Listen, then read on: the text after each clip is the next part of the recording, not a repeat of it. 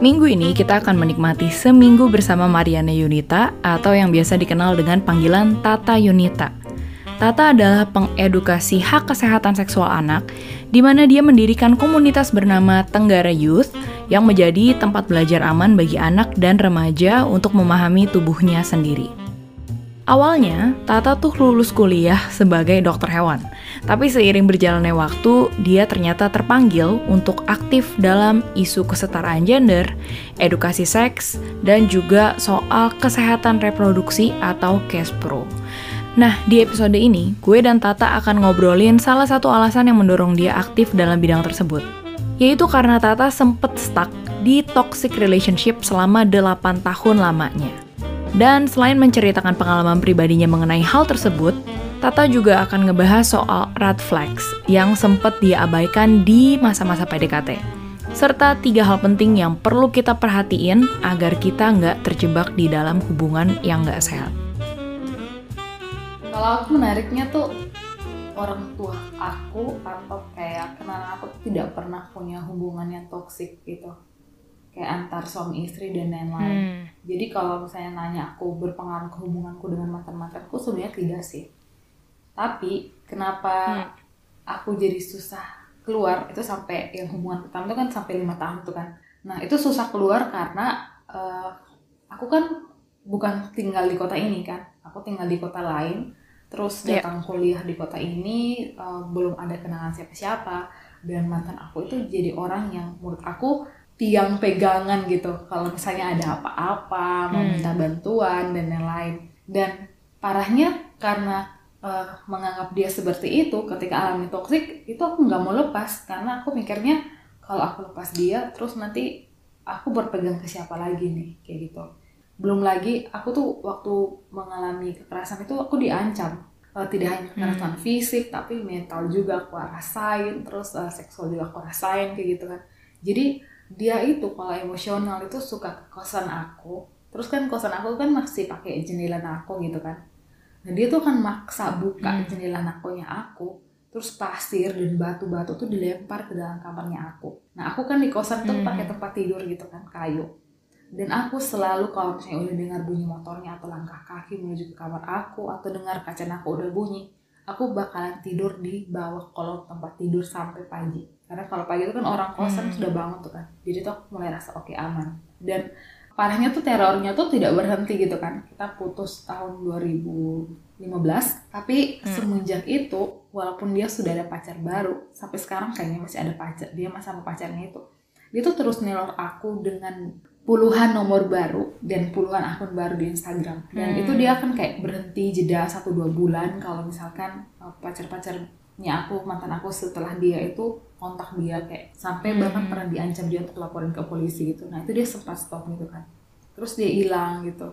Terus nanti tiba-tiba satu dua bulan lagi dia muncul lagi. Dan parahnya tuh kemarin malam itu dia no, dia hubungi aku lagi dengan nomor baru. Jadi gila ini pas banget iya. nih. Pas benar-benar fresh banget nih kejadiannya. Memang setan nih langsung langsung peka gitu. Radarnya nyala itu mau dibicarain. Jadi kemarin itu huh, pulang kantor terus ada nomor baru kan tapi nomornya bukan kayak nomor wilayah Nusa Tenggara gitu kan jadi aku mikir oh mungkin dari Jakarta hmm. lagi telepon perlu gitu kan jadi aku angkat tapi biasanya kalau nomor baru aku angkat aku nggak akan ngomong aku nunggu kalau dia ngomong duluan kan, hmm. kan kayak halo ini benar dengan ibu apa gitu gitu baru aku jawab oh ya benar hmm. jadi aku angkat aku uh, bisukan mic-ku terus aku dengar nggak ngomong satu dua detik tuh dia nggak ngomong dia diam terus aku juga diam aja terus. Terus tiba-tiba dia langsung tata tata. Ish. terus aku rasa kayaknya dia lagi sambil di jalan gitu. Terus aku langsung cepat-cepat rekam. Terus dia lagi tata tata gitu kan. Aku langsung matikan langsung blokir rekamannya aku kirim ke, ke pacar aku yang sekarang. Jadi pacar aku tuh langsung ya telepon dia. berulang-ulang kali dia nggak angkat. Tapi langsung di sms gitu kan dan aku langsung kemarin aku langsung kunci akun. Kan akun Instagram aku selama ini kan nggak private kan untuk publik. Dan semalam itu aku langsung private akun Instagram aku. Akun Instagrammu yang perempuan timur? Iya benar. Aku tadi malam langsung ya, jadikan ya private karena takut. Karena langsung takut dan biasanya kalau begitu tuh langsung freeze gitu. Jadi semalam tuh langsung freeze kayak nah nangis terus kayak langsung merinding dan ketakutan hmm. gitu. Aku tuh selalu takut kalau dia tuh tahu aku tinggal di mana gitu. Aku dengar soal teror itu kayak apa ya kayak di film-film sih. Karena aku dan uh, setidaknya orang-orang di sekitarku aku nggak tahu ada yang sampai digituin sih. Sampai separah itu gitu intensitasnya. Cuma kalau dari asumsimu pribadi gitu sebenarnya kenapa sih cowok-cowok yang uh, seperti itu tuh menerornya kayak nggak ada habis-habisnya walaupun mereka udah punya pacar juga loh. Nah jadi apakah itu memang ada ada hubungannya dengan budaya patriarkisnya yang sangat-sangat kental kah? Atau mungkin ini hanya semata ya ya merasa nggak bisa lepas aja gitu karena ya mungkin dia merasa kamu tuh tetap barangnya dia lah tanda kutip gitu ya. Banyak sih uh, bisa kan patriarkis karena rasa uh, dia masih punya rasa kepemilikan ke kita gitu. Terus yang kedua biasanya ada yang belum selesai kayak susah move on hmm. atau mungkin dia merasa bahwa ada masalah dan lain-lain yang kayaknya lu harus tetap uh, hubungi deh karena belum selesai urusannya kita waktu kita putus gitu. Terus yang berikutnya tuh biasanya hubungannya hmm. sama dengan ketergantungan hubungan seksual karena sudah pernah hubungan seksual, uh, terus hmm. dia nggak bisa dapatin itu di pasangannya dia sekarang, jadi dia tuh kayak teror terus pasangannya. Menurutku tuh salah satu alasannya dia kayak gitu. Nah teman-teman suka bilang kayak kenapa nggak laporin ke polisi? Aku bilang hmm. aku dampingi korban yang diancam uh, video porno dan foto porno yang ada buktinya saja itu diselesaikannya lama banget. Pak ini hmm. pakai alasannya banyak banget. Dan korban itu sampai kayak akhirnya malas ngurus ngurus masalahnya mereka sampai selesai. Bayangin, aku mau buktikan apa? Aku mau kasih screenshotan telepon kayak gitu. Atau hmm. aku mau hanya kasih screenshotan chatnya dia yang hanya panggil nama aku aja, langsung aku blokir kayak gitu. Itu menurutku tidak bisa memberikan bukti yang kuat juga kayak gitu. Dan takutnya malah aku yang hmm. diberatkan.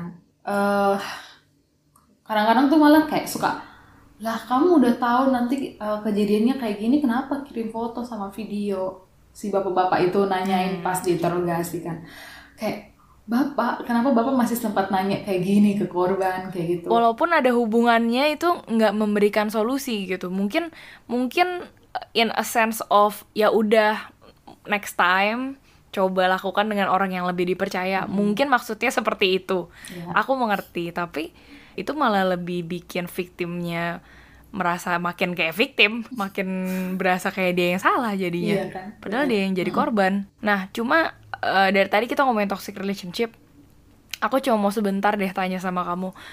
Definisi toxic relationship itu apa sih dari pengalamanmu?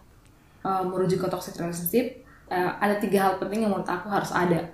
Yaitu pertama konsen, yang kedua uh, itu uh, tidak ada pemaksaan, dan yang ketiga kamu merasa aman dan nyaman jadi kalau misalnya dalam hubungan kamu, dalam bentuk apa pun atau dalam kegiatan apa pun yang kamu lakukan sama pasangan kamu nggak ada konsen, terus itu malah menyakiti kamu, itu kamu dipaksa, merasa dipaksa dan itu membuat kamu tidak nyaman dan aman, menurutku itu toxic. Itu hmm. langsung ada red flags dan kamu harus tinggalin.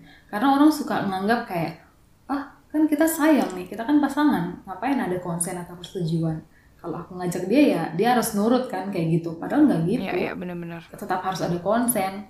Melakukan hubungan seksual pun harus ada konsen bukan karena pacar terus seenaknya uh, maksa gitu. Ya kan kalau pacar aku kayak gitu harus layanin aku lah kayak gitu. Iya iya iya iya. Nah ngomongin soal toxic relationship biasanya itu yang terjadi dinamikanya nih di di persahabatan perempuan. Itu biasa perempuan yang stay dengan cowok-cowok toxic ini biasanya tuh dikucilkan sama temen-temennya. Nah, kenapa aku tanya ini gitu ya ke kamu?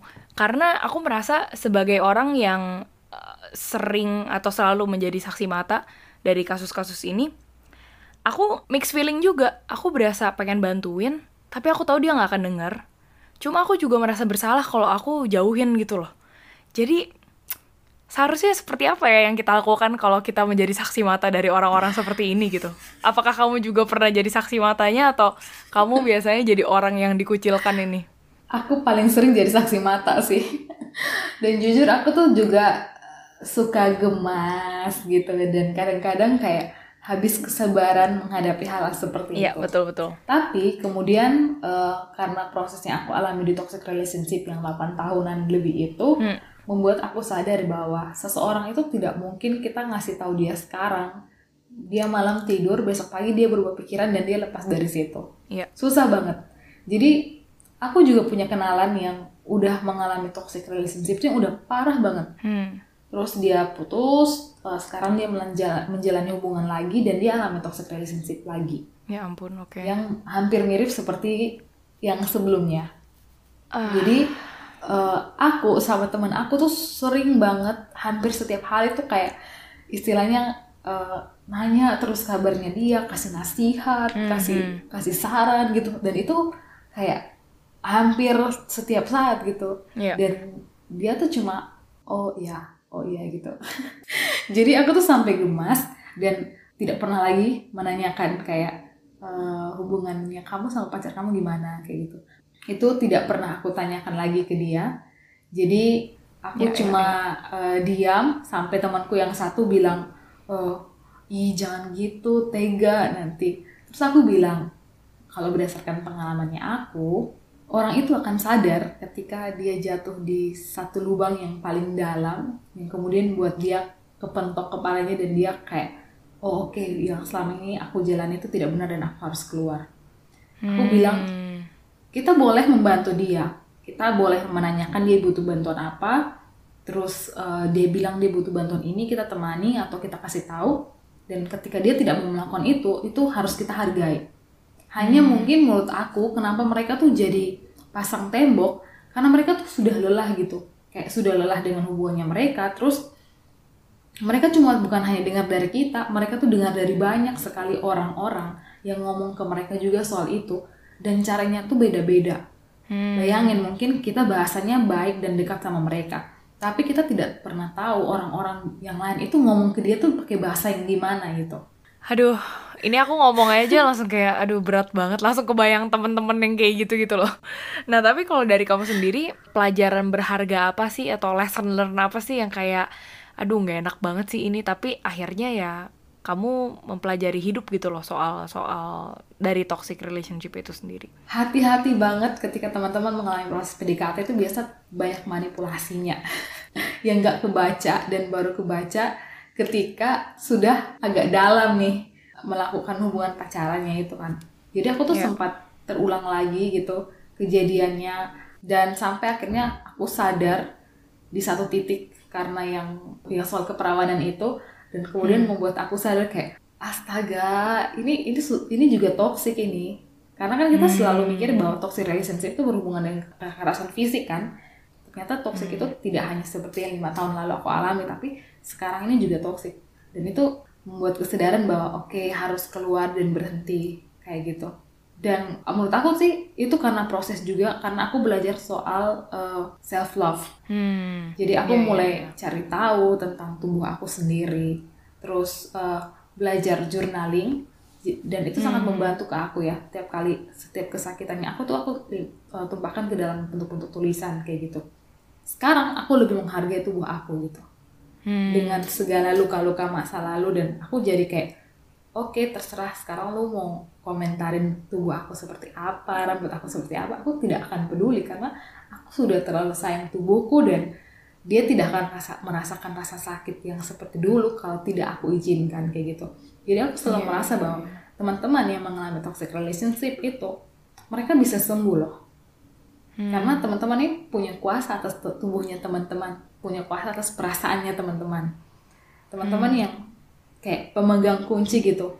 Kalau orang lontarkan kata-kata yang menyakitkan sekarang tinggal teman-teman mikir ah itu kata-kata mau aku jadikan rasa sakit buat aku atau biar hilang aja di tip angin kayak gitu kan. Iya iya iya kita yang memberi makna lah ya kepada sesuatu yang terjadi kepada kita gitu. Dan tadi kamu juga mention tentang red flags gitu ya, yang kadang tuh PDKT nggak kelihatan. Nah ini kebetulan banget aku lagi bahas tentang red flags kan nih hari ini di di Instagramku gitu. Oh iya. Bukan dari hari ini deh kemarin. Dan itu heboh banget ternyata. Kayaknya diam-diam orang-orang memikirkan hal itu ya. Nah kamu tuh saat misalnya ya sekarang kan udah udah nggak udah nggak sama dia lagi ya.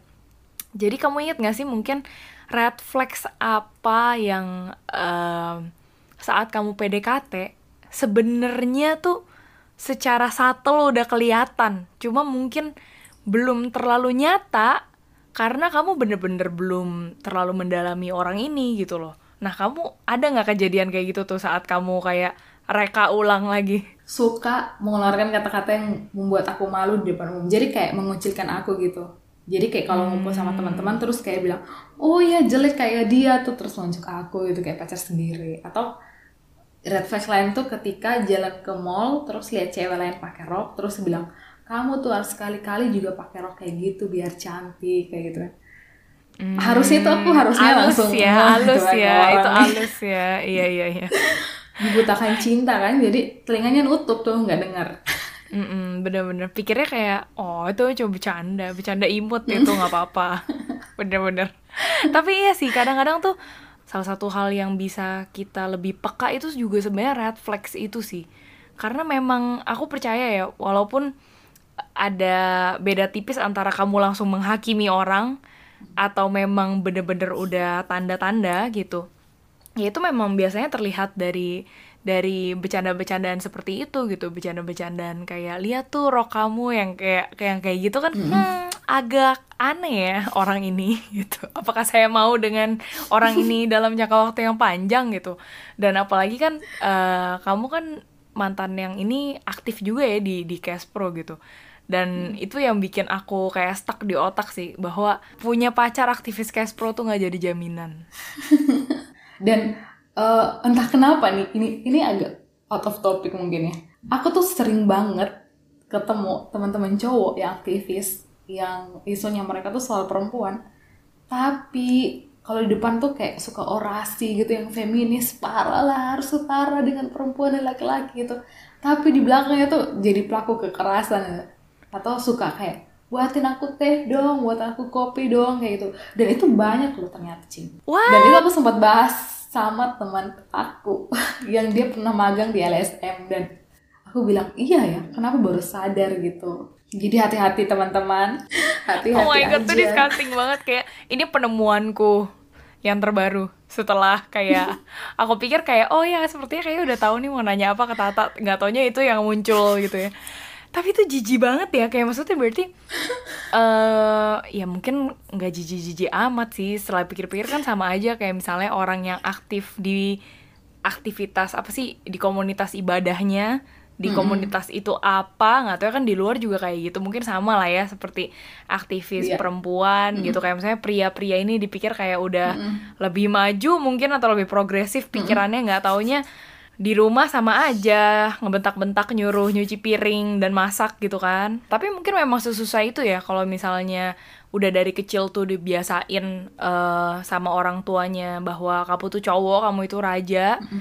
ya itu susah sih dan itu by the way juga red flags menurutku jadi yeah. mungkin itu nggak akan kelihatan saat kamu kencan kan nggak mungkin dong kencan langsung ngelihat orang tuanya tapi saat kamu pacaran coba deh kamu lihat cara dia uh, hidup di rumah.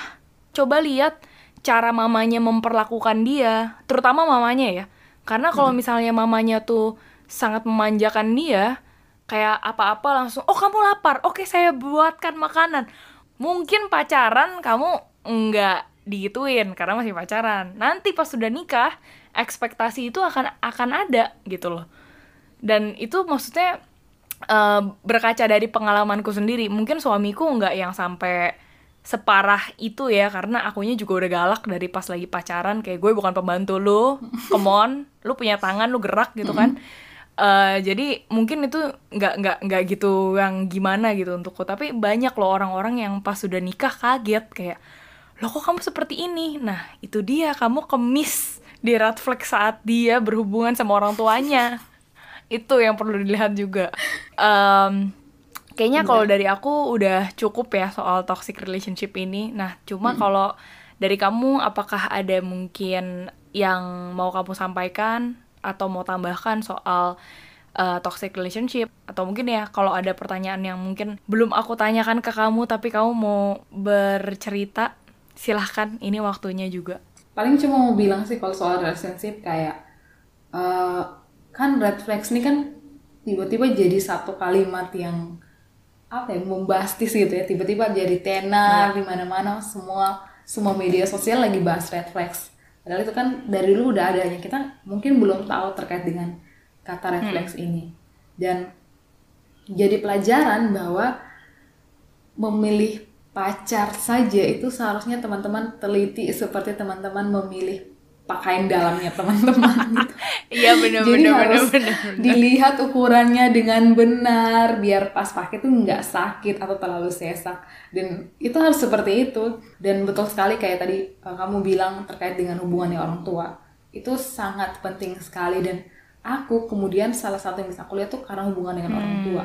Kayak huh yang manja parah gitu. Dan aku langsung mikir oke aku jadi istrinya dia nih fix. Jadi babu nih Iya. pasti ngurusin bayi nih Bener-bener. pasti kayak gitu jadi eh, hati-hati sih teman-teman Eh, jangan sampai karena dia ganteng gitu atau Prince Charming. Heeh, jadi kita jadi lupa gitu dengan hal-hal lain yang membutakan kita.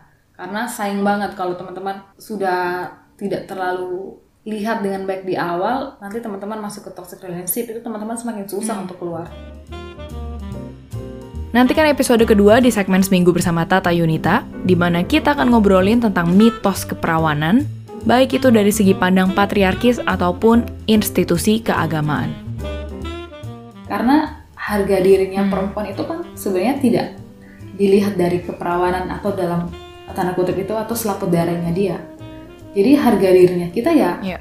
harusnya ada di hati kita atau pikiran kita bukan di selangkangan kita gitu kan. Episode selengkapnya akan rilis di hari Rabu ini ya.